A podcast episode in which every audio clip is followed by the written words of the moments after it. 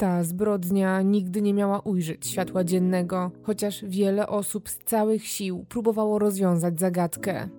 Zaginięcie dwóch sióstr, Katrin i Shilly, wpłynęło i zmieniło na zawsze losy wielu ludzi. Nikt nie mógł zrozumieć, jak dwie dziewczynki z przedmieścia Waszyngtonu mogły dosłownie rozpłynąć się w powietrzu i to zaledwie kilometr od swojego domu. Ich rodzinę dotknęła niewyobrażalna tragedia, a na lokalną społeczność padł blady strach. To spokojne miejsce przestało być takie jak kiedyś i już zawsze kojarzyło się z tym nierozwiązanym zaginięciem. Jednak zagadkowe zniknięcie Catherine i Shilly nie dawało śledczym spokoju. Ta sprawa była dla nich jak duch, który uparcie nie pozwalał o sobie zapomnieć. Duch, który jak gdyby wiedział, że rozwiązanie musi nadejść. I nadeszło po 38 latach życia w niewiedzy. O szczegółach tej prawdziwej historii dowiecie się z doskonałej książki Marka Bowdena Ostatni trop. Jest to wstrząsający reportaż, w którym razem ze śledczymi krok po kroku odkrywamy straszliwą prawdę. Ta książka to obowiązkowa lektura dla fanów tematyki true crime. Jest mocna, prawdziwa i dosadnie obrazuje, że to życie pisze najmroczniejsze scenariusze. Warto zapoznać się z książką Ostatni Trop, a ja z przyjemnością Wam to ułatwię. Razem z partnerem dzisiejszego odcinka, wydawnictwem poznańskim, przygotowaliśmy dla Was wyjątkową ofertę z okazji nadchodzących świąt. W księgarni wydaje nam się, czeka na Was 50% rabatu na całą ofertę. Żeby skorzystać z promocji, wystarczy, że podczas zamówienia użyjecie kodu HERING. W ten sposób ten wstrząsający reportaż o rozwiązanej po 38 latach zbrodni może trafić w Wasze ręce i to w bardzo okazyjnej cenie. Warto dodać, że Ostatni Trop to jedna z kilku książek z genialnej serii reporterskiej wydawnictwa poznańskiego. Z tematyki True Crime czeka na Was więcej perełek, takich jak Co się stało w Johnstown, Polowanie na Escobara czy Columbine. Zachęcam Was do skorzystania z promocji, bo to dobra okazja, żeby sprawić sobie lub bliskiej osobie kryminalny prezent na nadchodzące Mikołajki lub święta. Nie zwlekajcie, bo promocja jest ograniczona czasowo i rabat minus 50% obowiązuje tylko do 10 grudnia. Jeżeli do tego czasu złożycie zamówienie, paczka na pewno dotrze do Was jeszcze przed świętami. W opisie filmu znajdziecie link, który szybko i wygodnie poprowadzi Was prosto do księgarni. Zachęcam Was do tego, żeby pomiędzy podcastami znaleźć czas na dobrą książkę, szczególnie w czasie tych długich i chłodnych wieczorów. Tymczasem razem z wydawnictwem poznańskim zapraszamy Was na najnowszy odcinek.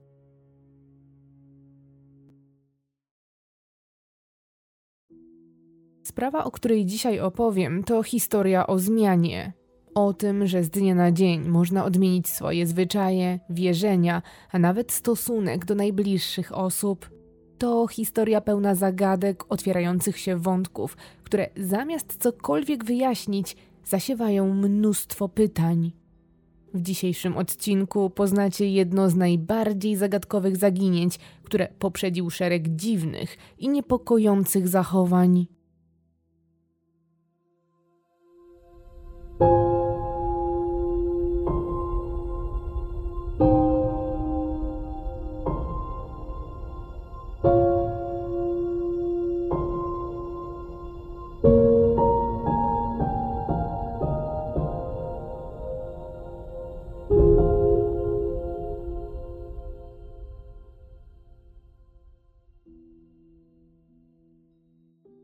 Renata jest młodą kobietą z Konstantynowa Łódzkiego, miasta należącego do aglomeracji łódzkiej, które tak naprawdę stanowi przedmieścia Łodzi. Tu przyszła na świat i tu spędza całe swoje dzieciństwo i wczesną młodość. Od najmłodszych lat jest sumienną uczennicą i nie sprawia swoim rodzicom problemów wychowawczych, a wręcz przeciwnie, daje powody do dumy. W 1986 roku kończy jedną z lepszych łódzkich szkół średnich, Liceum Ogólnokształcące imienia Bolesława Prusa. Dzięki świetnym ocenom na świadectwie maturalnym i przede wszystkim bardzo dobrze napisanym egzaminie wstępnym, osiąga dawno już wyznaczony sobie cel. Rozpoczyna studia prawnicze na Uniwersytecie Łódzkim. Zostanie w przyszłości prawnikiem to marzenie Renaty, Rozpoczęcie studiów na tym kierunku nie było prostym zadaniem. Jest więc to dla niej pierwszy przełomowy moment w życiu. Drugi następuje kilka lat później i to w zupełnie niepozornych okolicznościach. Gdy jest rok 1990, Renata przebywa w Łodzi. Jest dzisiaj na uczelni, bo musi załatwić kilka spraw. Przemyka jak zwykle przez korytarz i dosłownie wpada na pewnego mężczyznę. Ta nieco niezręczna sytuacja zamienia się jednak w miłe spotkanie, bo Renata od razu zauważa, że mężczyzna, z którym dane jej było przypadkowo się spotkać, wygląda bardzo interesująco. Jest wysoki, szczupły, ma ciemniejszą karnację i jest całkowicie w typie studentki. Renata to z kolei jego przeciwieństwo. Drobna, niewysoka blondynka o promiennym uśmiechu i delikatnej urodzie. Nie ma wątpliwości, że oboje podczas tego krótkiego spotkania wpadają sobie w oko.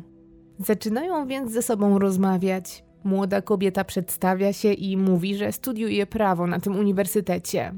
Jest też ciekawa, co ten młody i interesująco wyglądający brunet robi na jej uczelni, szczególnie, że nigdy wcześniej go tu nie widziała.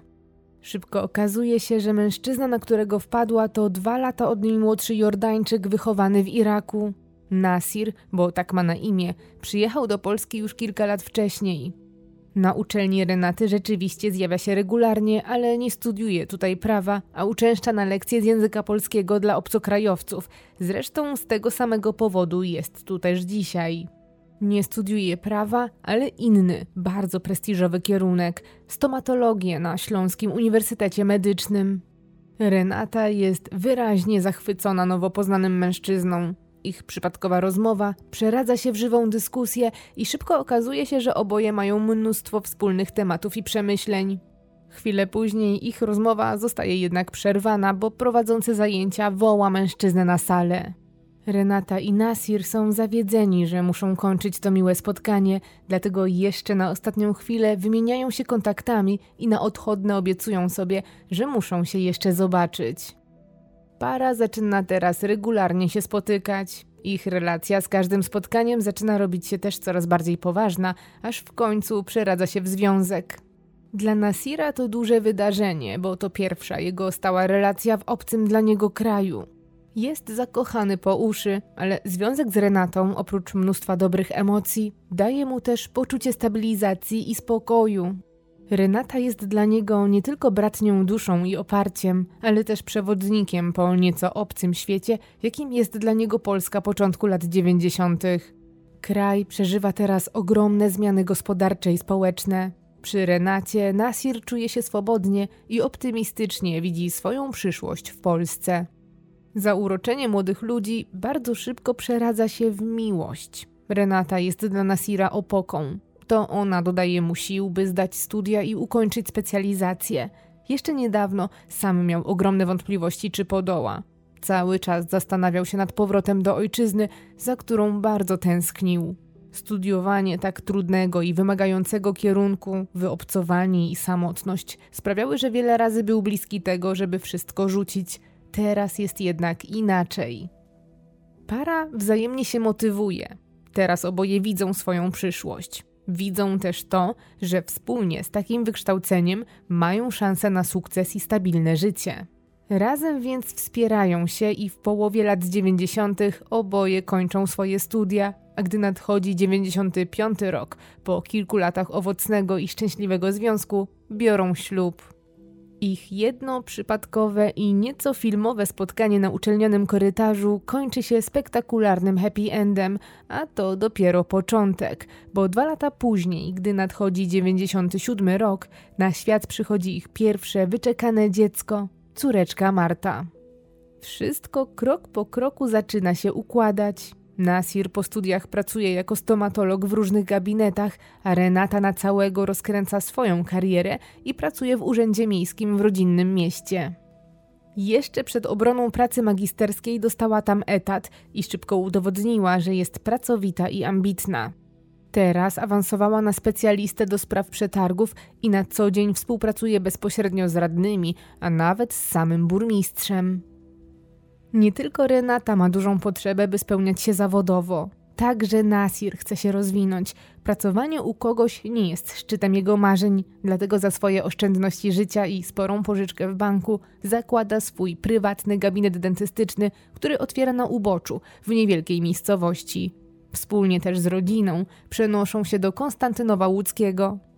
Teraz Renata pracę ma na miejscu, a ich życie układa się jak w bajce. Niedługo później Nasir otwiera kolejne dwa gabinety. Jest naprawdę dobrze i wszystko zapowiada się tak, jakby miało być tylko lepiej. Także w małżeństwie układa im się świetnie i zaczynają już myśleć o tym, żeby powiększyć rodzinę. Młode małżeństwo żyje w ten stabilny i spokojny sposób przez kolejne lata. Renata wręcz pnie się po szczeblach kariery. Gdy nadchodzi 2002 rok, kobieta kończy studia podyplomowe z europeistyki i ze stosunkowo niewielkiego urzędu miasta przenosi się teraz do łódzkiego urzędu marszałkowskiego, gdzie rozpoczyna pracę jako główny specjalista w dziale przetargów publicznych. Obecny stan rzeczy i dobre zarobki małżeństwa pozwalają rodzinie żyć na godnym poziomie i cieszyć się spokojnym życiem rodzinnym, którego wielu zapewne im zazdrości. Ale na horyzoncie pojawiają się zmiany, bo chwilę później, w 2014 roku, Polska wstępuje do Unii Europejskiej i Europa Zachodnia otwiera się na kraj. Wtedy małżeństwo staje przed nowymi możliwościami, jakie od zawsze krążyły im po głowach. Postanawiają postawić wszystko na jedną kartę i zaczynają coraz poważniej myśleć o emigracji. Bracia Nasira już od lat mieszkają w Londynie i bardzo sobie chwalą życie tam. Małżeństwo wpada więc na pomysł, że przeniesienie się do Anglii mogłoby sprawić, że i oni rozwiną swoje skrzydła. Jako, że Renata jest zatrudniona, a Marta właśnie zaczyna naukę w szkole podstawowej, postanawiają, że to Nasir pojedzie na wyspy pierwszy. Postara się znaleźć etat jako stomatolog, a kiedy uda mu się względnie ustatkować i wynająć dom, to dopiero wtedy dołączą do niego żona i córka. W tym czasie Renata będzie dalej pracować w Urzędzie Marszałkowskim, żeby nie spalić sobie mostów, gdyby jednak ich plan się nie powiódł. Te marzenia zostają jednak przesunięte w czasie i dopiero gdy kończy się rok 2005, mężczyzna postanawia, że nie ma na co dłużej czekać.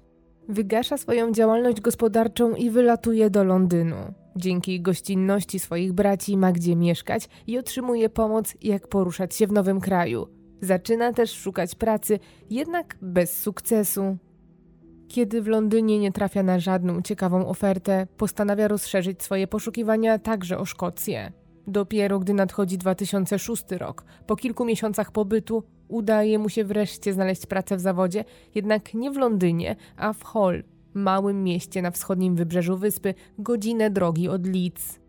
To światełko w tunelu na nowy, lepszy start w Wielkiej Brytanii. Nasir był już bliski tego, by zrezygnować i wrócić do Polski, ale na ostatnią chwilę los pokierował go inaczej i była to dobra zmiana. Mężczyzna wreszcie ma nie tylko pracę, ale i pacjentów, którzy chętnie przychodzą do niego na leczenie. Szybko staje się cenionym specjalistą, a jego terminarz powoli się zapełnia. Nasir wynajmuje więc mieszkanie i niedługo potem sprowadza do Anglii swoją żonę i córkę. Ta zmiana otoczenia przynosi jeszcze więcej nowości – bo w 2006 roku rodzina się powiększa i na świat przychodzi ich druga córka, Weronika. Rodzina wiedzie teraz spokojne życie. Renata zajmuje się nowonarodzonym dzieckiem, a Nasir na dobre zakorzenia się w nowym miejscu. Kiedy jednak przerwa związana z urlopem macierzyńskim mija, Renata bardzo chce wrócić do pracy. Obarczone jest to jednak dużym kosztem, ponieważ jej praca znajduje się przecież w Polsce. Kobieta więc regularnie lata do kraju, gdzie w Łodzi nierzadko spędza całe tygodnie. Kiedy jednak tylko może wraca do Hol, aby być przy swoim mężu i córkach, ale też po to, by się dokształcać. Na dłuższą metę Renata nie chce jednak żyć w takim rozdarciu, dlatego kończy specjalny kurs na kierunku angielski dla prawników, który ma nadzieję pozwoli jej znaleźć pracę w swoim wyuczonym zawodzie, ale tym razem już w Wielkiej Brytanii. Tak naprawdę, dopiero gdy nadchodzi przełom 2009 i 2010 roku, wszystkie elementy tej układanki trafiają w końcu na swoje miejsce. Renata ma już na swoim koncie kurs. Właśnie teraz kończy też studia podyplomowe na kierunku międzynarodowy marketing. Tak przygotowana czuje się gotowa, żeby zacząć szukać pracy w Anglii. Pewna swojego, składa wypowiedzenie w urzędzie marszałkowskim i wraca na wyspy z myślą, że teraz do kraju będzie wracać już tylko, żeby odwiedzać swoją rodzinę. W czasie, gdy Renata zaczyna szukać pracy w Anglii, Nasir swoją sytuację zawodową ma już ugruntowaną. Mało tego, w ostatnich latach osiągnął wręcz spektakularny sukces w Hall. Okazało się, że jest jedynym polskojęzycznym stomatologiem i to w całej okolicy. Wieść o tym, że można wyleczyć zęby u kogoś, kto mówi w ojczystym języku, roznosi się wśród mieszkającej w Anglii Polonii w ekspresowym tempie. Wielu ludzi, pomimo że mieszka tu już jakiś czas, nie mówi po angielsku albo nie mówi na tyle, żeby zrozumieć trudne medyczne słownictwo. Lekarz, z którym można porozumieć się bez problemu, jest więc na wagę złota. Nasir na fali tego ogromnego zainteresowania, teraz już razem z żoną, otwiera spółkę i wspólnie wynajmują lokal pod gabinet dentystyczny w jednej z okolicznych galerii handlowych. Jednocześnie małżeństwo ustala, że do momentu, aż Renata nie znajdzie pracy w swoim zawodzie, pomoże mężowi i będzie odpowiadać tu za sprawy administracyjne i zarządcze. Wszystkie te decyzje okazują się być strzałem w dziesiątkę. Życie Renaty i Nasira oraz ich córek z dnia na dzień staje się sielanką. Rosnące dziewczynki odnajdują się w nowej rzeczywistości i uczęszczają do angielskich szkół. Sprawnie też posługują się językiem angielskim i w żadnym stopniu nie odstają od rówieśników. Gabinet dentystyczny przynosi za to bardzo duże zyski. Wybór lokalu w galerii handlowej okazuje się świetnym posunięciem, a Nasir ma teraz ręce pełne roboty i terminarz wypełniony po brzegi. Gdy nadchodzi 2012 rok, Także do Renaty uśmiecha się szczęście i kobieta w końcu znajduje pracę, w której może wykorzystać swoją wiedzę z zakresu prawa. Od teraz na część etatu pracuje jako asystent prawny w jednej z tamtejszych kancelarii. Spełnia się też pracując jako wolontariuszka dla fundacji, która pomaga imigrantom z Europy Wschodniej wyjść z trudnej sytuacji. Ale z czasem okazuje się, że obie prace nie są jednak dla niej i z obu stanowisk rezygnuje po niecałym roku. W Polsce czuła się potrzebna, miała odpowiedzialne stanowisko kierownicze, być może nie do końca pasuje jej obecny brak niezależności i decyzyjności. Znowu więc staje się wolnym strzelcem, ale jest już lekko sfrustrowana brakiem stabilizacji zawodowej. Nieco frustruje ją też zależność od męża, który z każdym rokiem radzi sobie coraz lepiej i cały czas poprawia sytuację materialną w ich gospodarstwie domowym. Wcześniej ona także była kobietą sukcesu i teraz niełatwo jest Renacie pogodzić się z tą nagłą zmianą ról. Nie ma oczywiście pretensji do Nasira, to wszystko były ich wspólne wybory. Mało tego, cały czas jest w nim szaleńczo zakochana i z przyjemnością prowadzi z nim dom pełen ciepła i miłości. Chociaż praca jest dla nich bardzo ważna, to dużo uwagi poświęcają swoim córkom, ale też prowadzą bogate życie towarzyskie. Przyjaźnią się z Anglikami, Polakami czy imigrantami z innych krajów. Dosłownie wszyscy w ich otoczeniu nie mają wątpliwości. Ci dwoje są dla siebie stworzeni i są też świetnymi rodzicami. W czasie, gdy Renata znowu nie ma stałego zajęcia, cały czas pomaga w prowadzeniu praktyki dentystycznej męża. Załatwia dla niego wiele spraw urzędowych i administracyjnych, jest w tym dobra i skuteczna, a jej pomoc jest nieoceniona. Ale dla ambitnej prawniczki taka rola, chociaż potrzebna, to nie przynosi jednak satysfakcji.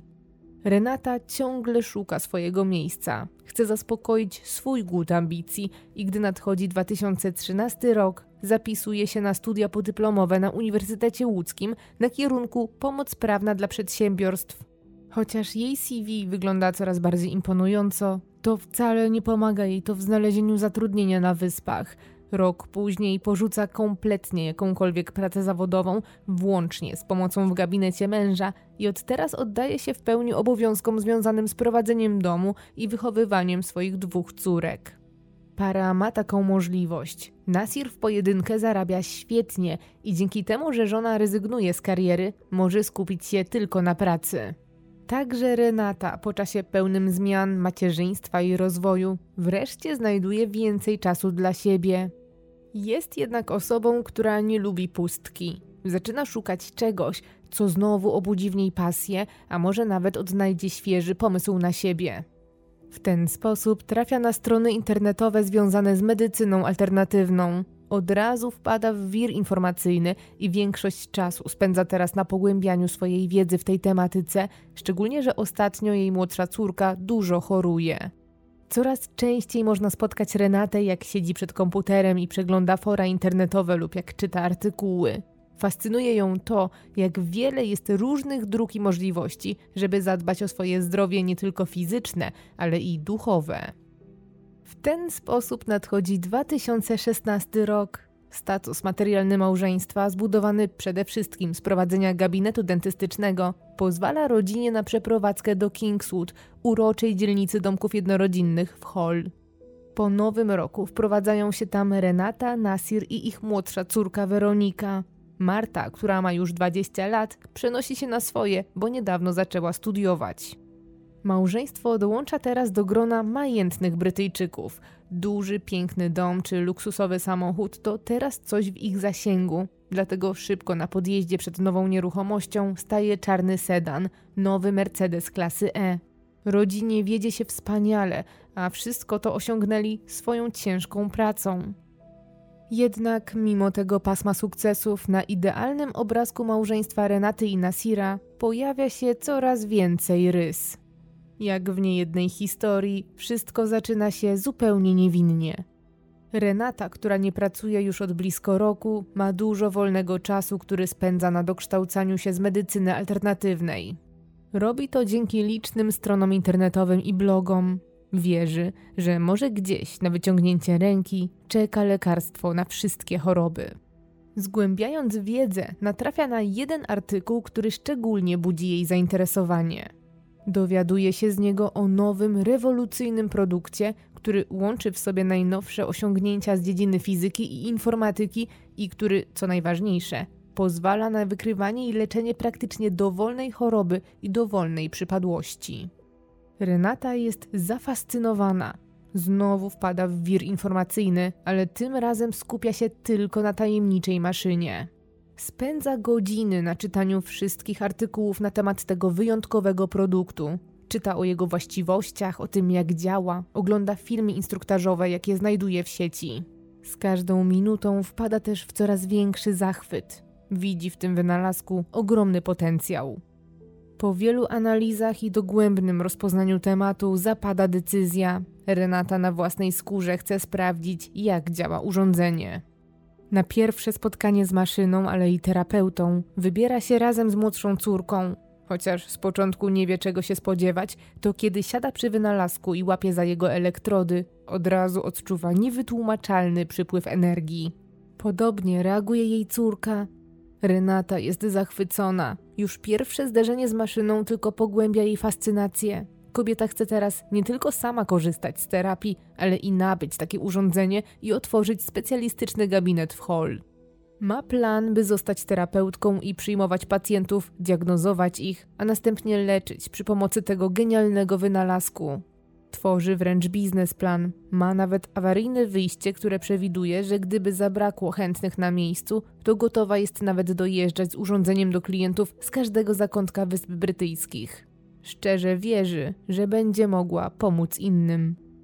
Renata jest bardzo podekscytowana swoim odkryciem, ale i swoim pomysłem. Czuje całą sobą, że to jest to, czego chce.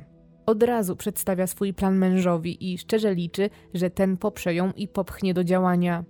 Nasir, chociaż z uwagą wszystkiego słucha, to od początku jest bardzo sceptyczny. Jest stomatologiem, absolwentem Uniwersytetu Medycznego, człowiekiem nauki i nie wierzy w magiczne lekarstwo na wszystko. W pomyśle swojej żony nie widzi cudu medycyny, ale widzi jednak coś innego potencjał zarobkowy, bo niezależnie od tego, czy urządzenie rzeczywiście działa, czy też nie, może przynieść zysk. Ostatecznie zgadza się więc na pokrycie kosztu zakupu maszyny, który przekracza wtedy 10 tysięcy euro. Ale zakup samej maszyny to jednak nie koniec. Jest pewien haczyk. Według producenta urządzenie jest bezużyteczne bez odbycia przez operatora odpowiedniego i bardzo skomplikowanego szkolenia, tak skomplikowanego, że wymaga wielu miesięcy przygotowań i testów. Renata tłumaczy mężowi, że w związku z tym będzie musiała regularnie zjawiać się w Polsce, gdzie odbywają się zajęcia. Częste wyjazdy to jednak nie koniec nowości, jakie mają nadejść, bo sam kurs jest bardzo kosztowny. Dopiero jeśli spełni szereg warunków i zda egzamin, otrzyma odpowiednie uprawnienia i wiedzę, dzięki czemu stanie się certyfikowanym terapeutą i przede wszystkim będzie wiedziała, jak skutecznie pomagać ludziom za pomocą tajemniczej maszyny. Wszystko to jednak brzmi co najmniej dziwnie. Nie dziwi więc, że Nasir ma coraz więcej wątpliwości. Dla niego wygląda to jak oszustwo i naciąganie. Ale z drugiej strony w tym wszystkim widzi jednak prawdziwą pasję. Żona o urządzeniu opowiada z iskrą w oku i szczerą fascynacją. Mężczyzna nie ma serca, żeby odmówić Renacie. Kocha ją i widzi, jak wiele to dla niej znaczy. Kobieta chce podążać za swoimi ambicjami i może rzeczywiście ma w końcu szansę rozwinąć się zawodowo jak dawniej. Ostatecznie więc Nasir zgadza się nie tylko na zakup urządzenia, ale też na sfinansowanie wszystkich potrzebnych szkoleń i wyjazdów. Aby zostanie certyfikowaną terapeutką stało się faktem, rodzina zaciąga nawet spory kredyt gotówkowy. Ta decyzja płynąca z dobrego serca i z miłości to jednak początek ogromnych zmian, ale i ogromnych kłopotów. Z dnia na dzień życie rodziny dosłownie staje na głowie. Przez cały 2016 rok Renata co miesiąc wyjeżdża do Polski na kilka, a czasem nawet kilkanaście dni. Bywa nawet tak, że przez połowę czasu po prostu jej nie ma. Życie staje się więc bardziej skomplikowane z powodu częstej nieobecności jednego rodzica, ale coś psuje się też w relacjach małżonków. Z początku wszystko jest zupełnie normalne. Gdy Renata wyjeżdża, to sama z siebie dokładnie melduje każde swoje posunięcie. Kiedy przyleciała do Polski, kiedy weszła do domu, który stoi teraz pusty, odkąd opuścili kraj, pisze, co jadła na kolację, kiedy była na zajęciach, z czego się szkoliła. Wszystko relacjonuje bez przymusu i w wyraźnie dobrym nastroju. Jest w stałym kontakcie z mężem i pyta, co u niego i u córek. Ale z każdym kolejnym wyjazdem kontakt z Renatą staje się coraz trudniejszy i bardziej ograniczony. Kobieta coraz rzadziej pisze SMSy do męża, a jeżeli już, to lakoniczne. W kolejnych tygodniach jest już tylko gorzej i praktycznie przestaje odbierać od niego telefony. Zdarzają się nawet sytuacje, gdzie Nasir wielokrotnie wydzwania do żony, zmartwiony jej brakiem odzewu, ale Renata oddzwania do niego dopiero w środku nocy lub nad ranem i najczęściej tłumaczy wtedy, że nie słyszała telefonu albo że medytowała ze znajomymi ze szkolenia i że nie mogła przerwać. Kontakt staje się więc wyraźnie utrudniony nie tylko podczas wyjazdów, ale też gdy wraca. Renata od czasu wyjazdów ewidentnie jest mniej skłonna do rozmów. A to nie koniec utrudnień, bo przecież w czasie, gdy Renata wyjeżdża na szkolenia, jej mąż musi prowadzić swoją praktykę zupełnie sam, a do tego zajmować się ich młodszą córką. Musi prać, gotować, sprzątać, robić zakupy, pomagać Weronice w lekcjach i wozić ją do szkoły. To wszystko sprawia, że zmuszony jest ograniczać liczbę przyjmowanych pacjentów, a to z kolei zmniejsza dochody firmy. Nasir w pocie czoła stara się pogodzić wszystkie obowiązki, podczas kiedy z jego perspektywy Renata wydaje się jeździć na wczasy i to na kredyt, który sporo ich kosztuje. Mężczyzna coraz częściej ma wrażenie, że ten układ nie jest fair i że kosztuje ich to znacznie więcej niż zakładał, ale z drugiej strony pociesza się, że szkolenia nie trwają wiecznie i już niedługo się skończą. Jeżeli wszystko pójdzie zgodnie z planem, Renata niedługo na stałe wróci do hall i otworzy tu gabinet. Zgodnie z obliczeniami, rozpoczęcie działalności powinno szybko spłacić kredyt i zacząć przynosić profity. Mija jednak czas, a problemy, które niedawno zaczęły kiełkować, zamiast maleć, tylko się pogłębiają. Kiedy nadchodzi styczeń 2017 roku, Renata wraca z Polski do Hall po jednym z wielu szkoleń. Dzisiaj ważny dzień, ponieważ odbywa się impreza urodzinowa Nasira, ale pomimo tego, że Renata jest już na wyspach i doskonale wie o przyjęciu, to wcale się na nim nie zjawia. Mało tego, zamiast przyjść i złożyć życzenia, dzwoni do Nasira i przez telefon przekazuje mu szokujące wieści. Oznajmia, że planuje się z nim rozwieść. Mężczyzna jest w całkowitym szoku. Zupełnie nie spodziewał się usłyszeć takich słów ani dzisiaj, ani w ogóle. Przecież oboje są w związku małżeńskim od ponad 20 lat i jak do tej pory myślał, byli szczęśliwi. Wspólnie wychowują dwie wymarzone córki, wiedzie im się coraz lepiej, a do tego nie kłócą się ze sobą i są naprawdę zgodną parą. Chociaż rzeczywiście częste wyjazdy nieco ich od siebie oddaliły, ale nie aż tak, by wszystko zaprzepaścić. Zresztą nie było prób, by coś naprawić. Nasir jest wręcz zdruzgotany, ale pociesza go myśl, że może Renata blefuje. Mężczyzna stara się więc udobruchać żonę, zależy mu na niej i zaczyna o nią walczyć. Nie jest to jednak proste, bo od momentu powrotu Renata w obecności Nasira jest bardzo spięta i buduje wręcz między nimi mur. Ignoruje swojego męża, mija się z nim bez słowa i unika jakiegokolwiek kontaktu. Jednocześnie też nie komunikuje o co chodzi, a przede wszystkim nie wychodzi z inicjatywą, by próbować coś naprawić. Mężczyzna zaczyna dodawać dwa do dwóch i powoli zdaje sobie sprawę, że odkąd Renata zaczęła wyjeżdżać, to po każdym powrocie stawała się dla niego coraz chłodniejsza. Do tej pory Nasir tłumaczył to sobie tym, że to cena częstych wyjazdów i tego, że miał w ostatnim czasie do niej pretensje, że jako jedyny zajmuje się domem i zarabianiem pieniędzy. Teraz jednak oprócz chłodnego zachowania i ignorowania go, dzieje się coś jeszcze bardzo podejrzanego. Mężczyzna szybko zauważa, że Renata w ostatnim czasie zabezpieczyła swojego smartfona blokadą na odcisk palca, czego nigdy wcześniej nie robiła. To nie wszystko, bo nigdy nie rozstaje się ze swoją komórką i chodzi z nią nawet do toalety. Zdarza się wręcz, że Nasir słyszy, jak telefon dzwoni, ale wtedy żona odbiera go i zamyka się w sypialni, lub nawet udaje się do łazienki, gdzie odkręca wodę pod prysznicem. Takim działaniem skutecznie wszystko zagłusza, przez co mąż nie wie z kim ani o czym rozmawia jego żona. Ilekroć mężczyzna konfrontuje Renatę odnośnie jej podejrzanego zachowania i kiedy prosi o wyjaśnienie, ta ignoruje go lub rzuca zdaniem typu: Nie wiem o czym mówisz. Ale to wciąż nie wszystko, bo z każdym kolejnym wyjazdem Renata wyraźnie staje się coraz bardziej zindoktrynowana przez ludzi, z którymi zadaje się w Polsce. Na spotkaniach ze znajomymi i rodziną coraz śmielej opowiada o swoich nowych już wierzeniach i nowych przekonaniach.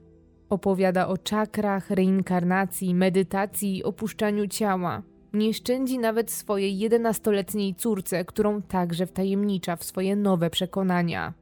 Chociaż z początku wszyscy z pobłażaniem traktują fascynację Renaty, to kiedy nadchodzi przełom roku, jej oderwanie od rzeczywistości powoli staje się czymś nie do przeskoczenia. Kobieta przestaje już tylko opowiadać, a zaczyna wdrażać swoją nową wiedzę w życie. Zdarza się nawet, że podważa decyzje lekarzy czy odkrycia naukowców. Do momentu kulminacyjnego dochodzi, gdy młodsza córka małżeństwa, Weronika, po raz kolejny łapie poważną infekcję. Lekarz przepisuje dziewczynce leki, ale Renata nie wykupuje ich i wręcz nie zgadza się, by podać je córce. Zamiast tego chce zabrać swoją chorą córkę do Polski i leczyć ją swoim magicznym urządzeniem. Jest przekonana, że to bardziej jej pomoże. Nasir, gdy tylko dowiaduje się, co się dzieje, reaguje z pełną stanowczością. Akurat w tym momencie przebywa na studiach podyplomowych w Londynie, ale gdy dowiaduje się, że żona odmawia leczenia ich córki, wraca najbliższym pociągiem do domu, aby podać Weronice odpowiednie leki. Mężczyzna jest wzburzony. Większość swojego życia podporządkował nauce i nie odpuszcza. Dla niego nie ma wątpliwości, że to lekarzowi, a nie cudownej maszynie należy powierzyć zdrowie córki. Renata ostatecznie ugina się pod wolą męża, ale jest na niego wściekła i nie kryje tego, że nie zgadza się z jego decyzją. To jednak wciąż nie wszystko z dziwnych i zapalnych zachowań. Renata nie tylko ciągle mówi o niezrozumiałych sprawach, ale zaczyna też odprawiać dziwne obrządki w domu. W różnych pokojach rozstawia świeczki i kadzidła. Pisze też tajemnicze listy, których nikomu nie pozwala czytać i których nie da się sprawdzić, bo spala je później w ogródku. Wszędzie nosi też ze sobą duży amulet w kształcie pięcioramiennej gwiazdy, który ewidentnie jest dla niej wyjątkowo ważny. W domu dochodzi do coraz bardziej absurdalnych wręcz sytuacji. Normalnym staje się, że przy wspólnym śniadaniu Renata niespodziewanie rozpoczyna monolog o tym, że wyznawana przez większość ludzi religia jest fałszywa i że po śmierci człowiek odradza się w innym ciele i to niekoniecznie ludzkim. Kobieta wielokrotnie zapewnia też córkę, że telekineza, wbrew temu co mówi nauka, istnieje i że niedługo to udowodni, gdy na szkoleniach osiągnie taki poziom samorozwoju, że sama nauczy się przenosić przedmioty za pomocą siły woli. Nie trudno zauważyć, że przemiana kobiety jest nie tylko gwałtowna, ale też bardzo osobliwa, a na pewno związana z wyjazdami i nową fascynacją. Pomimo tych dziwactw i aury tajemniczości, życie w domu Renaty i Nasira wciąż toczy się na granicy czegoś, co można nazwać normalnością. On pracuje w swoim gabinecie, a ona, kiedy akurat nie jest na wyjeździe, zajmuje się domem i córką. Dodatkiem jest chłód w małżeństwie, ale i nowa, magiczna otoczka. Otoczka, która staje się coraz bardziej intensywna, bo Renata przestaje być już tylko uczestniczką kursu, ale staje się terapeutką, o czym dowiadują się już wszyscy z otoczenia, głównie za sprawą jej wystąpienia na YouTube. Do sieci trafia filmik i jest to pewnego rodzaju wywiad z Renatą. Uśmiechnięta blondynka w habrowej marynarce odpowiada na pytania prowadzącej, w tym przede wszystkim jak zaczęła się jej przygoda z tajemniczym urządzeniem i czym tak naprawdę jest. W filmie Renata najpierw mówi kilka słów o sobie, o tym, że z wykształcenia jest prawnikiem, ale że zawsze interesowała ją medycyna alternatywna i praca z energią. Wspomina, że tak naprawdę informacje o urządzeniu odnalazła przez przypadek, ze zwykłej potrzeby, ze względu na niską odporność córki, która dużo chorowała. Renata w dalszej części prawie 13-minutowej rozmowy opowiada o pierwszej styczności z maszyną i o swoich odczuciach, a potem w skrócie przedstawia historię urządzenia i to, jak działa. Opisuje, że maszyna rzekomo odczytuje z pola informacyjnego człowieka jego wibracje i porównuje je do wzorowych danych, które opracowali specjaliści od urządzenia. Następnie maszyna wychwytuje, gdzie występują braki i odchylenia od normy i uzupełnia je zdrowotnymi wibracjami, które wysyła prosto do ciała pacjenta. Renata opowiada też, że podczas terapii za sprawą tych wibracji można rozbić grzyby i wirusy na malutkie cząsteczki, dzięki czemu człowiek jest w stanie samodzielnie je wydalić. Na wideo można zobaczyć też ujęcia z tego, jak Renata przeprowadza badania i jak wygląda to, o czym mówi. Wspomina też, dla kogo jest taka terapia, a kto nie powinien z niej korzystać. Chociaż to, co mówi, jest nieco kontrowersyjne, to sama wygląda, jakby mówiła to wszystko z serca i jakby szczerze wierzyła w działanie tego urządzenia. Dziwne obrzędy, oschłość, publiczne wystąpienie w roli terapeuty to wszystko początek, bo niedługo później nadzieję na to, że to chwilowa fascynacja i że życie rodziny zaraz wróci do normy, pryska jak bańka mydlana. W marcu 2017 roku Renata wręcza Nasirowi zapowiadany już w styczniu pozew rozwodowy i informuje go, że w czerwcu, gdy zaczną się wakacje, zabiera młodszą córkę do Polski, bo obie przeprowadzają się tam, a Weronika po wakacjach zaczyna tam naukę w nowej szkole. Nasir jest w całkowitym szoku. Nikt wcześniej nie przedyskutował z nim tak przecież istotnych kwestii. Mężczyzna zaczyna poważnie obawiać się, że żona rzeczywiście spełni swoje obietnice i rozdzieli ich rodzinę. W okolicach świąt wielkanocnych jedzie nawet do Polski, żeby porozmawiać z jej matką, siostrą i resztą bliskich. Chce wyjaśnić, czy o wszystkim wiedzą i może uzyskać jakieś wsparcie i dobre rady. Mężczyzna jest rozbity i wyraźnie podłamany. Wszystkim jest go po prostu żal, szczególnie, że także bliscy z Polski zauważyli ogromną zmianę w zachowaniu Renaty. Nawet jej mama staje po stronie Nasira. Po pierwsze, bardzo go lubi i uważa za dobrego męża i ojca. Poza tym, jest raczej staroświecką, ponad 80-letnią kobietą i jest przeciwna rozwodom. Wierzy, że para, jeżeli zechce, to znajdzie jeszcze wspólny język. Zięć jest gotowy, żeby ratować ten związek. Wszystko leży teraz w rękach Renaty. Nasir, mimo tego, że ma wsparcie teściowej i siostry żony, to nie ma jednak zbyt dużego pola do manewru. Postanawia cierpliwie czekać i nie robić nic, ale przede wszystkim unikać eskalacji. Woli patrzeć, jak rozwinie się sytuacja.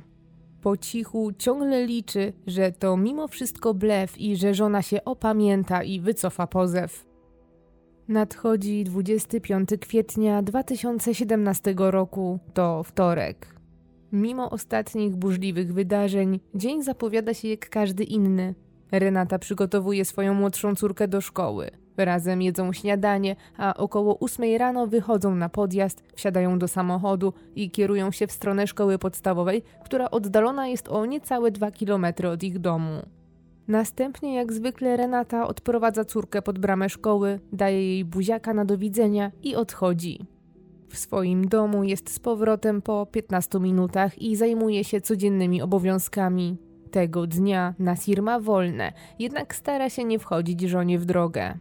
Przez dłuższy czas im się to udaje i para wzajemnie się unika, ale około godziny 13 Renata wchodzi do sypialni, w której w ostatnim czasie Nasir sypia sam i chce porozmawiać z nim o nadchodzącym rozwodzie, podziale majątku, a przede wszystkim opiece nad córką. Rozmowa szybko jednak wymyka się spod kontroli i między parą dochodzi do awantury. Ta wymiana zdań trwa jednak tylko chwilę, bo kobieta pełna złości schodzi na dół i trzaska za sobą drzwiami wejściowymi.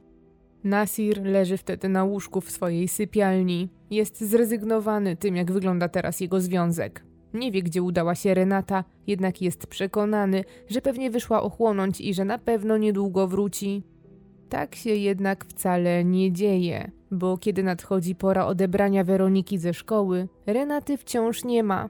Kiedy Nasir wygląda przez okno, orientuje się, że auto jego żony wciąż jest na podjeździe. Lekko zdenerwowany mężczyzna próbuje dodzwonić się do Renaty. Odbieranie córki ze szkoły to jej zadanie i powinna się już zbierać, jednak jej telefon chyba jest wyłączony, bo od razu uruchamia się poczta głosowa. Nasir nie ma jednak zamiaru ryzykować i odbiera Weronikę ze szkoły sam. Razem z córką od razu wracają do domu.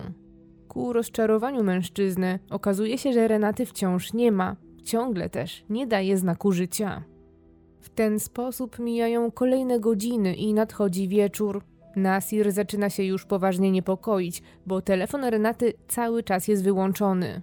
Za oknem jest już ciemno, a kobieta wyszła gdzieś najwyraźniej na piechotę, bo jej samochód bez zmian stoi na podjeździe. Nasir trochę się martwi, ale z drugiej strony jest przyzwyczajony do tego, że żona ostatnio znika nagle bez słowa. Może nigdy do tej pory nie robiła tego o tak późnych godzinach, ale od pewnego czasu konflikt między nimi wyraźnie eskalował. Nasir jest przekonany, że Renata chce mu po prostu dopiec. Wierzy, że pewnie wróci, gdy złe emocje opadną na dobre. Tak się jednak nie dzieje, bo matka Marty i Weroniki nie wraca też na noc do domu. Teraz już nie tylko Nasir odchodzi od zmysłów, ale też jego córki. Ale kiedy nadchodzi poranek 26 kwietnia, kobieta wciąż nie pojawia się w drzwiach. Nasir znowu pozostawiony jest sam sobie. Zamiast iść do pracy, anuluje wszystkie wizyty w gabinecie, po czym przygotowuje córkę i odwozi ją do szkoły, a spod niej od razu kieruje się na posterunek policji. Tam zgłasza, że żona wyszła wczoraj z domu, nie biorąc ze sobą prawie nic i że nie ma jej już od blisko doby. Tłumaczy funkcjonariuszom, że o ile wyjście na kilka godzin nie byłoby niczym dziwnym, to nie danie znaku życia tak długo jest już niepokojące. Jeszcze tego samego dnia policjanci przyjeżdżają do domu Nasira i Renaty, żeby się w nim rozejrzeć. W raporcie odnotowują, że kobieta opuszczając dom faktycznie nie zabrała ze sobą nic, nawet portfela i telefonu. Także samochód zostawiła pod domem, co oznacza, że oddaliła się na piechotę albo odjechała z kimś innym autem lub porusza się komunikacją miejską.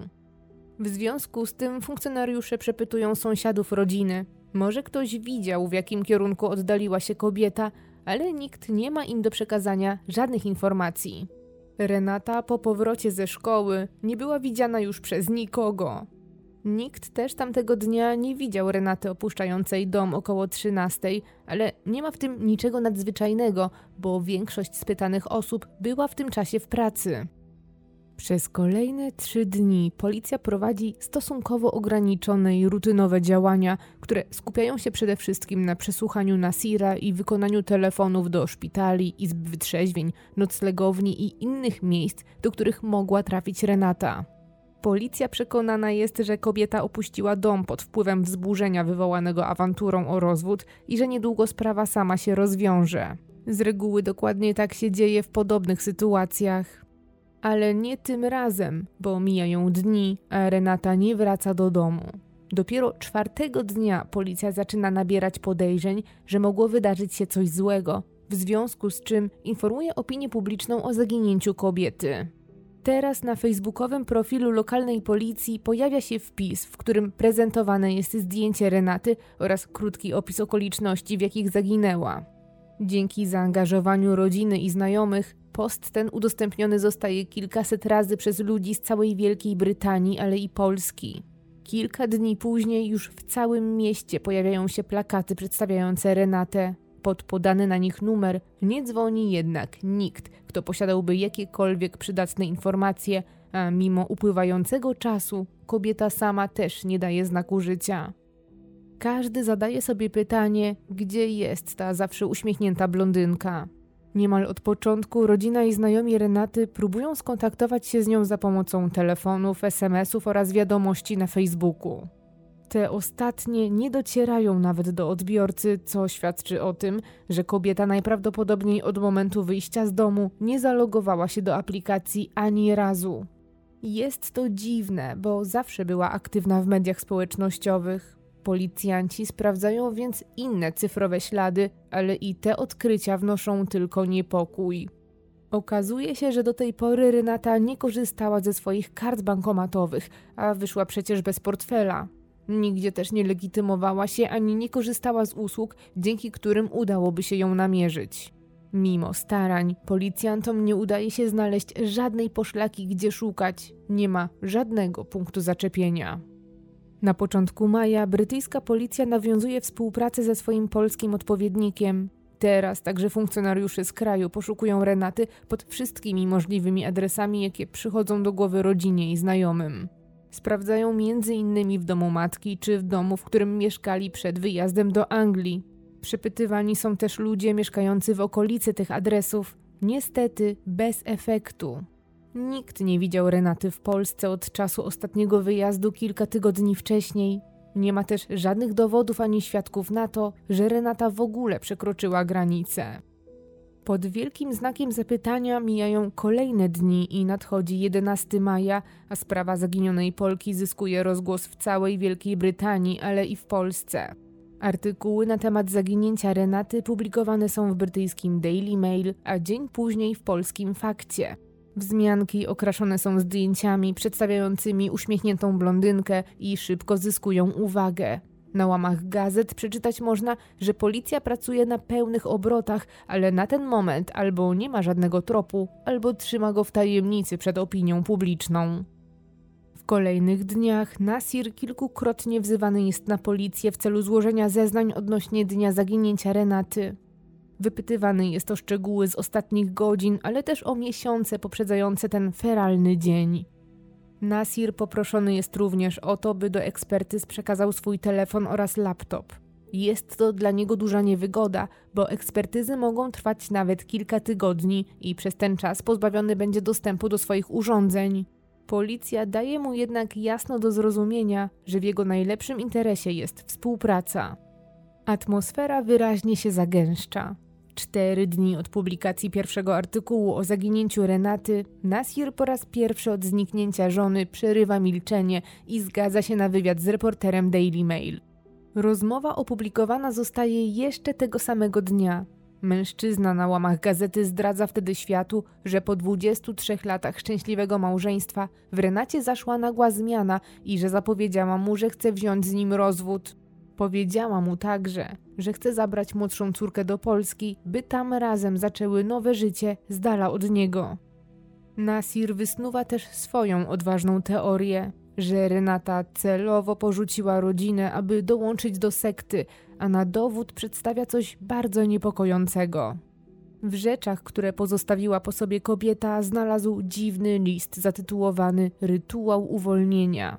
Na łamach prasy mężczyzna pokazuje zapisaną odręcznie kartkę papieru ze słowami: Uwalniam się od wszelkich obowiązków, przysiąg, pieczęci, ślubów ubóstwa, poddaństwa i posłuszeństwa, niewolnictwa i usłużności wynikających z tradycji, mentalności i kultury arabskiej, zniewolenia i poddaństwa związanego z jakąkolwiek religią, od klątw, od magii zniewolenia i poddania się, wszystkiego co podszyte lękiem i czarną magią, wszelkich uzależnień energetycznych i wszelkich połączeń. Jednocześnie wraz z uwolnieniem się od wszystkiego, co mnie zniewalało i ograniczało, wyrażam wdzięczność i dziękuję za wszystkie lekcje, które dzięki temu otrzymałam. Ten list rzeczywiście szokuje opinię publiczną. Nie jest jednoznaczny i może sugerować ucieczkę. W kolejnych dniach policja zresztą potwierdza, że wie o tym liście i że eksperci ustalili, że jest on napisany przez Renatę. Również matka i siostra potwierdzają reporterom faktu, że nie mają co do tego wątpliwości i one na tej dziwnej kartce papieru rozpoznają pismo Renaty. Każdy zachodzi teraz w głowę, o co chodzi, co oznacza ta dziwna przysięga i czy przede wszystkim rzeczywiście ma coś wspólnego z zaginięciem kobiety. A to jeszcze nie wszystko. Nasir zdradza, że wydarzyło się coś jeszcze, co może sugerować planowaną ucieczkę. Renata bardzo nalegała, aby przesunąć celebrację 11 urodzin ich młodszej córki Weroniki. Nigdy jednak nie uzasadniła dlaczego, ale dopięła swego. Zamiast 30 kwietnia impreza odbyła się trzy tygodnie wcześniej, bo 8 kwietnia. Mężczyzna snuje przypuszczenia, że Renata doskonale wiedziała, że w tym terminie już jej tu nie będzie, dlatego tak zależało jej na innej dacie. Jego zdaniem wszystko wskazuje na to, że kobieta opuściła swoją rodzinę i uciekła, czego również nie wyklucza policja, która intensywnie bada i taką teorię. Następnego dnia ukazuje się kolejny artykuł, który odkrywa jeszcze inne rodzinne sekrety. Znowu na łamach Daily Mail wypowiada się tym razem siostra Renaty, Danuta, która zdradza, że zaginiona podejrzewana była przez nią oraz pozostałych członków rodziny, jak i samego Nasira o romans. Danuta przyznaje, że nie chciała pytać siostry wprost, ale w okolicach Wielkanocy Renata podczas jednej z rozmów telefonicznych była wyjątkowo wycofana. Zawsze była pozytywna i tryskała energią, a tym razem była inna. Danuta, wykorzystując moment, powiedziała, że zauważyła, że od pewnego czasu jej siostra zachowuje się inaczej. Spytała z troską, czy coś się zmieniło albo czy chce o czymś porozmawiać. Renata zareagowała na to zainteresowanie i powiedziała jakby szeptem, że nie może teraz rozmawiać, ale chętnie o wszystkim jej opowie, kiedy wróci do Polski w maju. W artykule Danuta podkreśla też, że Nasir to dobry mąż i ojciec oraz uczciwy człowiek i że nie wierzy, by był zamieszany w zniknięcie swojej żony, bo zauważyła, że coraz głośniej zaczyna mówić się o tym, że to on stoi za zniknięciem Polki. W ciągu kilku dni pojawiają się więc już dwie poważne teorie, które mogą tłumaczyć zaginięcie kobiety, jednak prawdziwy zwrot w tej historii ma dopiero nadejść. Jest 19 maja, to piątek, godzina 8 rano. Nasir wrócił właśnie ze szkoły swojej córki i zaczyna przygotowywać się do pracy. Wtedy na ulicę, przy której mieszka, wjeżdża konwój radiowozów. Chwilę później sąsiedzi obserwują, jak Nasir wsiada do radiowozu w eskorcie policji, a zaraz potem do jego domu wchodzą policjanci ubrani w białe stroje ochronne oraz przewodnicy z psami tropiącymi. Oba samochody małżeństwa stojące na posesji zostają zabrane przez lawety. Policja pojawia się nawet w gabinecie stomatologicznym mężczyzny. Aresztowanie Nasira z ogromnym zainteresowaniem obserwują jego sąsiedzi. W okolicy rodzi to niemałą sensację, ale szczegóły zatrzymania utrzymywane są jeszcze w tajemnicy. Rzecznik przekazuje mediom jedynie, że w związku z prowadzonym śledztwem aresztowano i postawiono zarzuty dwóm mężczyznom z Hall. Dopiero następnego dnia policja ujawnia, że w związku z zaginięciem Renaty Antczak aresztowano jej męża oraz jego kolegę, Roberta, pomocnika stolarza, z którym Nasir się zna, bo przed przeprowadzką byli sąsiadami. Obaj mężczyźni zostają oskarżeni o coś, co wszystkich szokuje. Że zawiązali wspólnie spisek w celu pozyskania i podania szkodliwej substancji Renacie i żonie Roberta Annie. Policjant zdradza, że tajemniczą substancją jest kwas 4-hydroksybutanowy, znany szerzej jako GHB, który często wykorzystywany jest do tworzenia pigułek, które wrzuca się w klubach dziewczynom do drinków. Zażycie tylko 4 gramów tej substancji powoduje całkowitą amnezję i utratę przytomności na kilka godzin, ale większa dawka może już doprowadzić do zapaści i śmierci. Dodatkowo preparat po 24 godzinach jest praktycznie niewykrywalny za pomocą żadnego testu, ponieważ metabolizuje się w wodę i dwutlenek węgla, tym samym nie pozostawiając po sobie żadnych śladów. Są to wielkie wieści, jednak nikt nie wie, co to wszystko oznacza. Czy Renata została w takim razie odnaleziona? Pytań jest jednak więcej, bo to nie koniec informacji. Nasir i Robert otrzymują jeszcze jeden ciężki zarzut. Obaj oskarżeni zostają o to, że planowali zastraszyć i pobić niejakiego Mariusza, biznesmena z Łodzi. Okazuje się, że tajemniczy Mariusz to mężczyzna, z którym Renata wspólnie szkoliła się z obsługi cudownej maszyny leczniczej i w ostatnim czasie spędzała z nim dużo czasu. Policja do tej pory nie chce jednak zdradzać w oparciu o jakie dowody postawiono tak ciężkie i szokujące zarzuty. Wszystko to tylko domysły.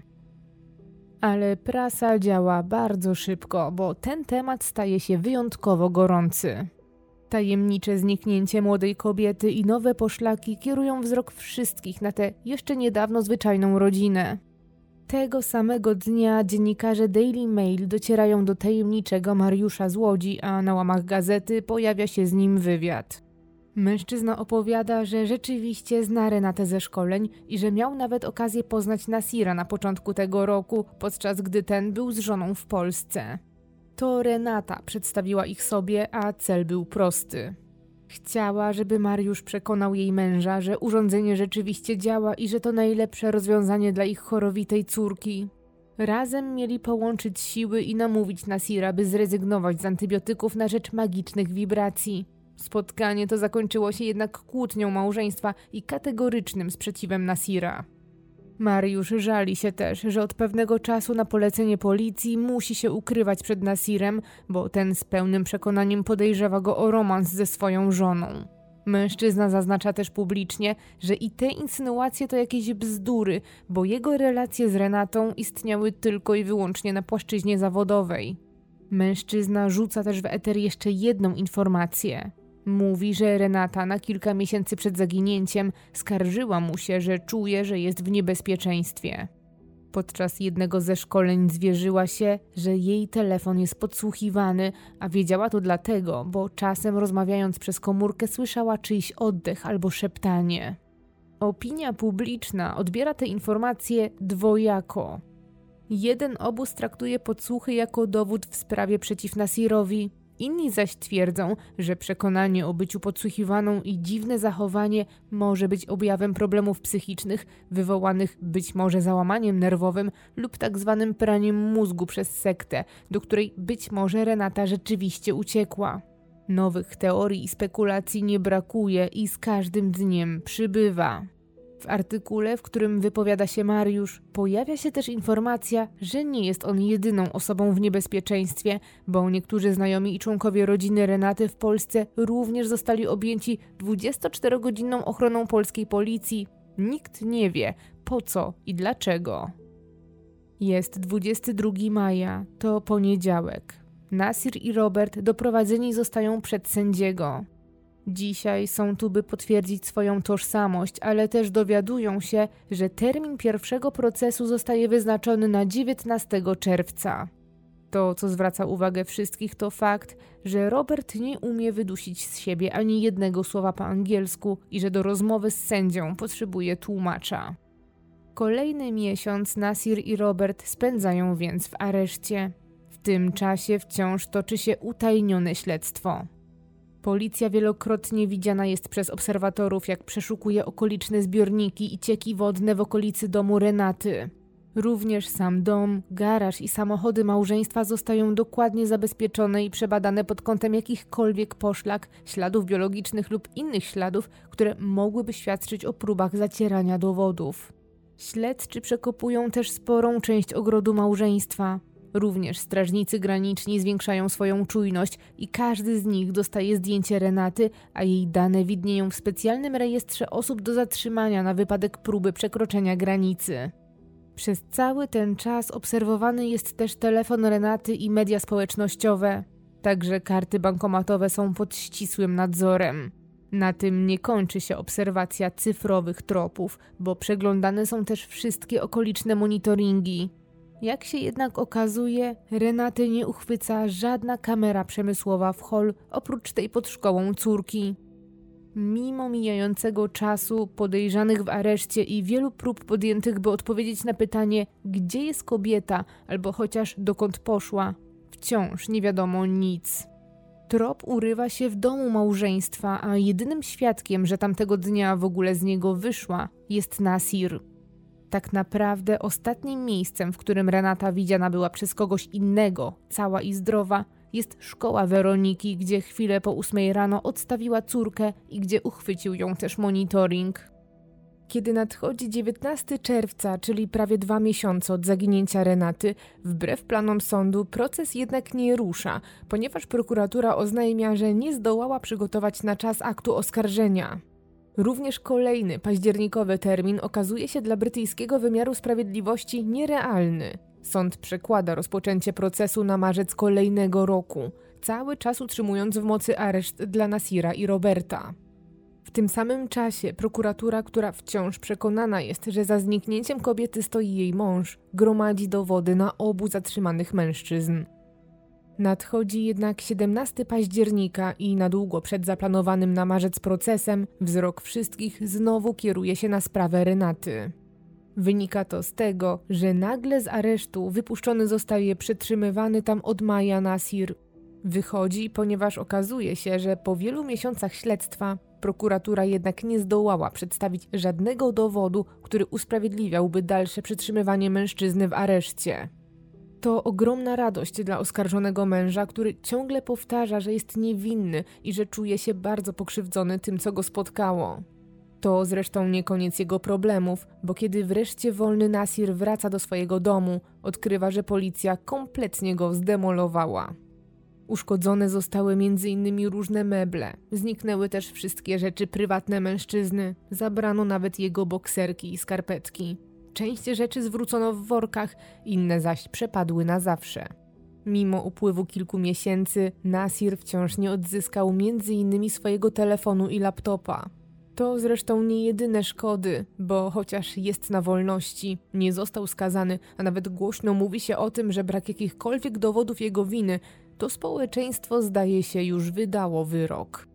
Niecały miesiąc później z aresztu wychodzi także Robert, który zostaje całkowicie oczyszczony ze wszystkich stawianych mu zarzutów i dla niego sprawa zostaje zakończona na dobre.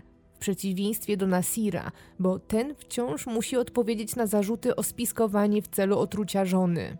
Prokuratura twierdzi, że jest pewna jego winy i że ma na to żelazne dowody, które jednak cały czas owiane są tajemnicą i ujawnione zostaną dopiero w czasie procesu. Jest 11 kwietnia 2018 roku. To niemal rok od zaginięcia Renaty. Dzisiaj też rusza proces. Jest to też pierwszy raz, kiedy Nasir ma faktyczną możliwość podjęcia jakiejkolwiek obrony. Kiedy składa swoje wyjaśnienia, płacze i w pełnym emocji wystąpieniu opowiada o tym, jak z jego perspektywy wyglądał początek zeszłego roku. Kiedy w styczniu, w dniu jego urodzin, oczekiwał na powrót Renaty, postanowił, że do niej zadzwoni i spyta, kiedy wróci, bo wszyscy czekają na nią z urodzinową kolacją.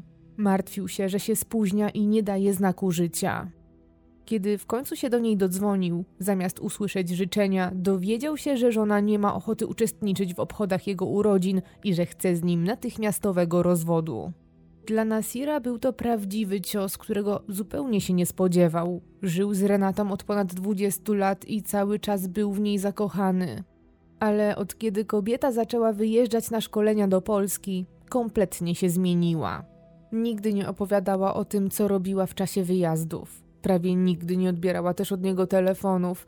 Kiedy była w domu, była spięta w jego otoczeniu, zaniedbywała też obowiązki domowe i kompletnie wycofała się z pomocy przy prowadzeniu gabinetu dentystycznego. Nasir obawiał się najgorszego i przeczuwał, że to zachowanie wynika z tego, że jego żona ma romans, prawdopodobnie z kimś z Polski. Mimo wszystko cały czas starał się załagodzić sytuację i wybaczał żonie wszystkie występki. Robił też wszystko, by wkupić się ponownie w jej łaski, ale bez skutku, bo im bardziej się starał, tym bardziej Renata oddalała się od niego. Zamykała się w łazience, włączała prysznic i rozmawiała z kimś przez telefon. Komórkę zabezpieczyła blokadą na odcisk palca i spała z nią przez całą noc. Nasir wspomina przed sądem, że walczył o związek i że był nawet w Polsce, żeby porozmawiać z jej rodziną, ale nic to nie dało. W czasie kolejnego dnia procesu wreszcie na jaw wychodzi, co takiego skłoniło prokuraturę do tak poważnych oskarżeń. Na sali odczytany zostaje transkrypt rozmowy, jaka odbyła się między Nasirem a Robertem na miesiąc przed zniknięciem Renaty. Zaskakujące jest też to, skąd policja ma tak szczegółowe informacje jak cała rozmowa telefoniczna.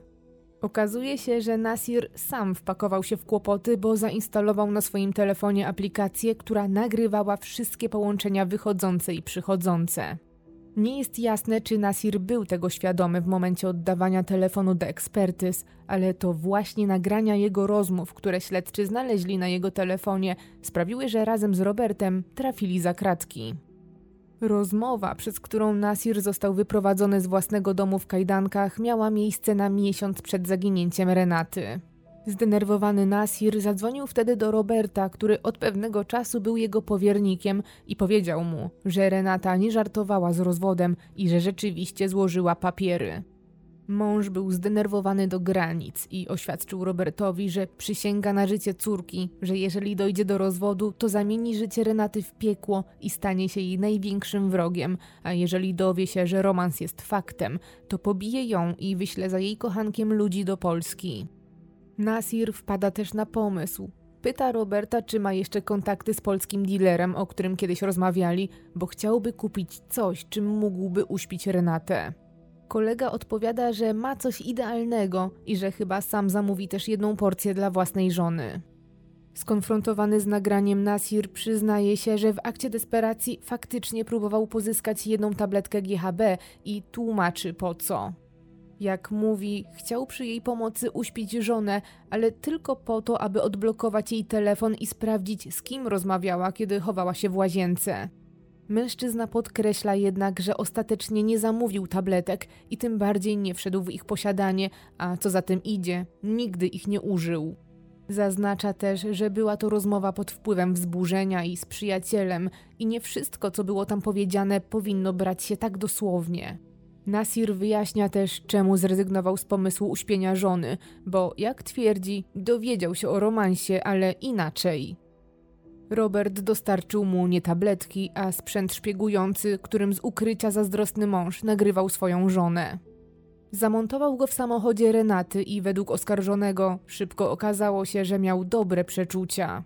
Jak twierdzi kamera, uchwyciła rozmowę telefoniczną między Renatą a jakimś nieznanym mężczyzną.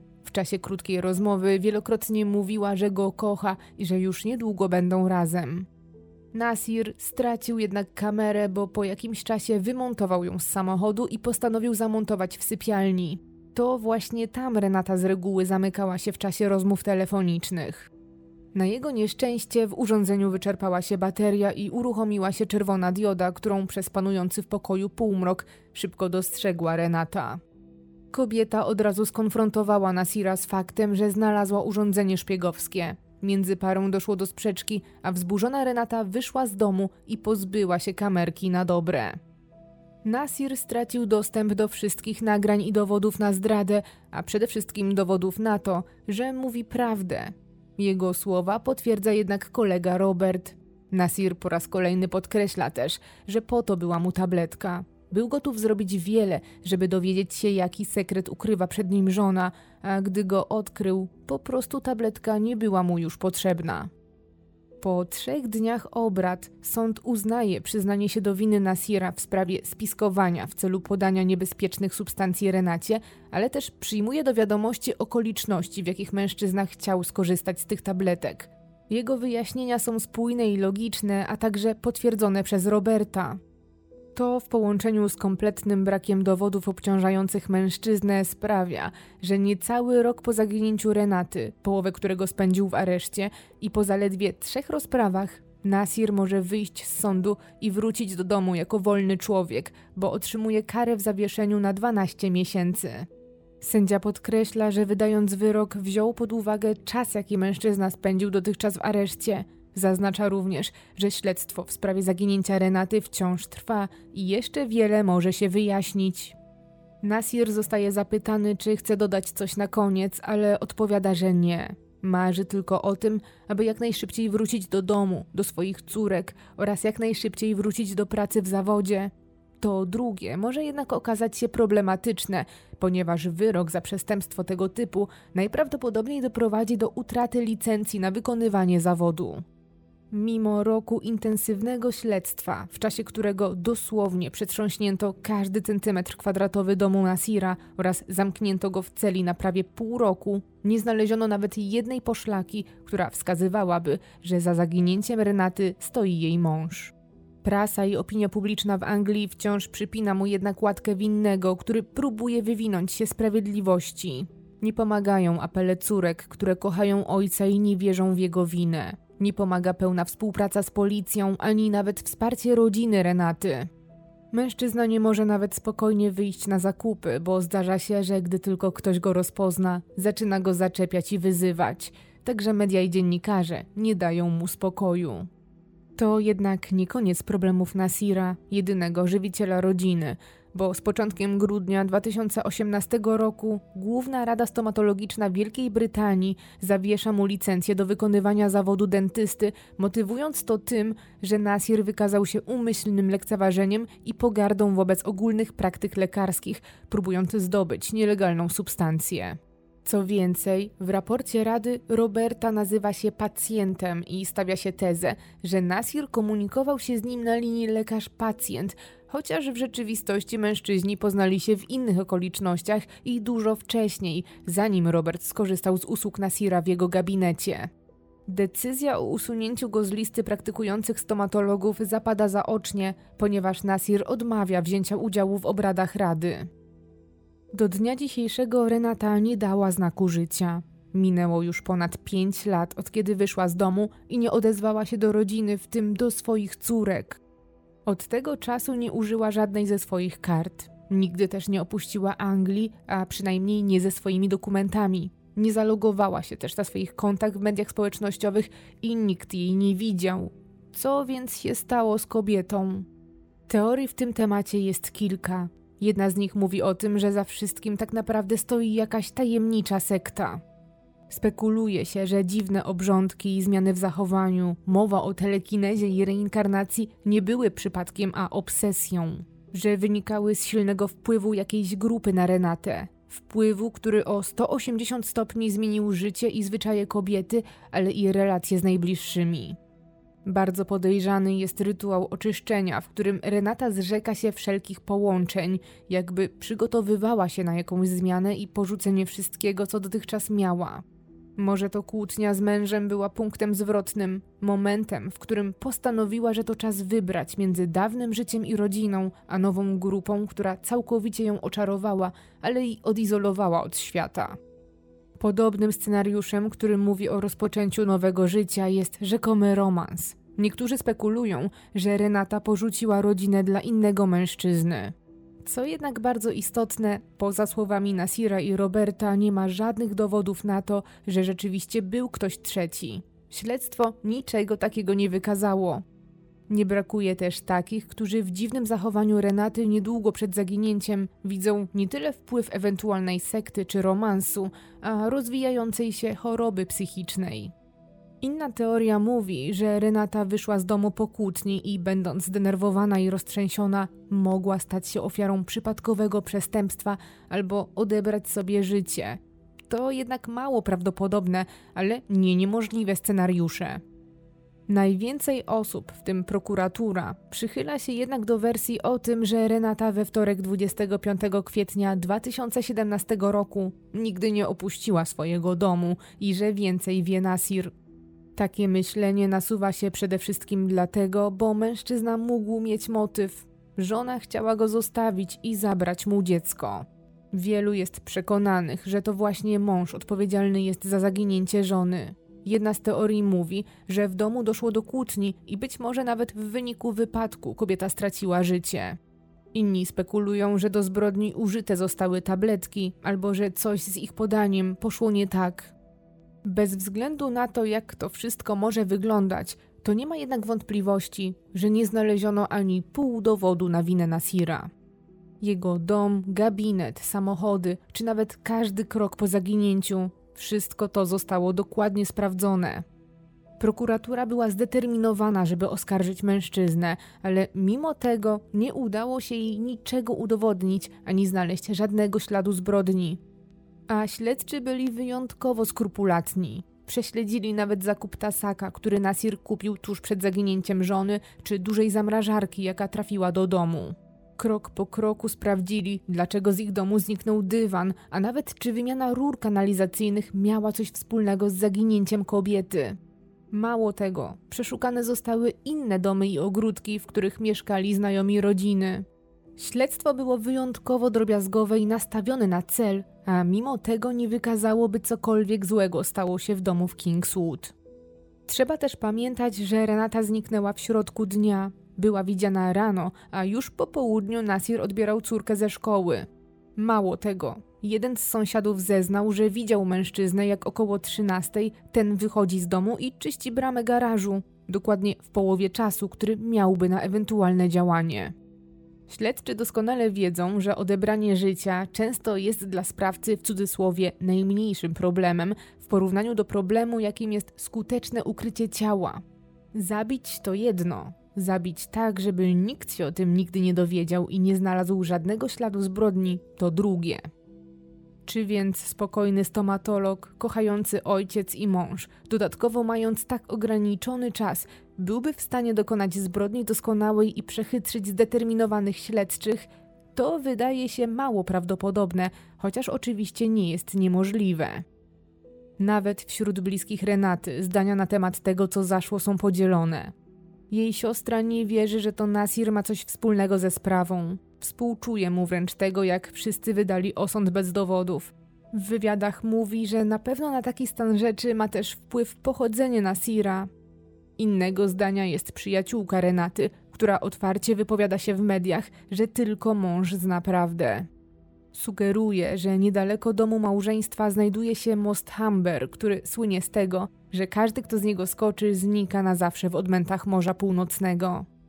Policja także nie wyklucza, że to woda może skrywać tajemnice.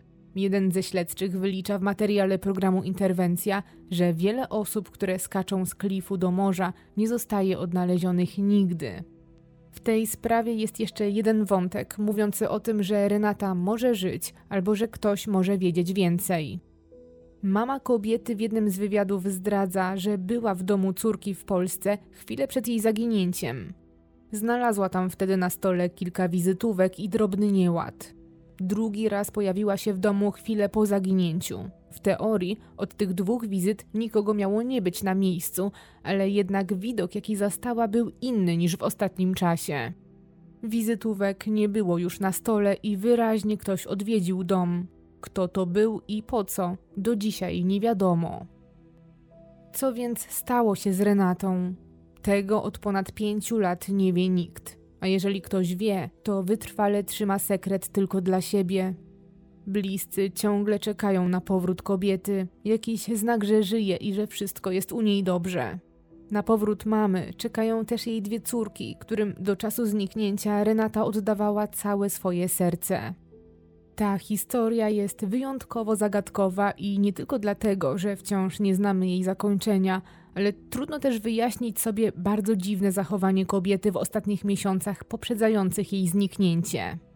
Nawet jeżeli nie ma to związku ze sprawą, to trudno sobie wyobrazić, jak z osoby racjonalnej, twardo stąpającej po ziemi, Renata zmieniła się w marzycielkę wierzącą w magiczne wibracje i telekinezę. Czy to zwykły zbieg okoliczności, czy rzeczywiście zwiastun tragedii. Renata wciąż jest poszukiwana, a śledztwo ciągle jest otwarte, chociaż rodzina przyznaje, że od kilku lat w sprawie nie dzieje się nic. W hall do dzisiaj można natknąć się na plakaty z wizerunkiem uśmiechniętej blondynki. Wyznaczona jest też nagroda w wysokości 10 tysięcy funtów dla tego, kto pomoże rozwiązać zagadkę. Czy więc jest to ucieczka, wypadek czy działanie męża? Żadnej z tych teorii na chwilę obecną nie da się ani potwierdzić, ani obalić. Warto jednak pamiętać, zanim wyda się osąd, że nie zawsze ta najbardziej popularna teoria musi być prawdziwa i że lepiej nie skazać winnego niż skazać niewinnego. Razem z partnerem, którym jest wydawnictwo poznańskie, dziękujemy za wysłuchanie odcinka.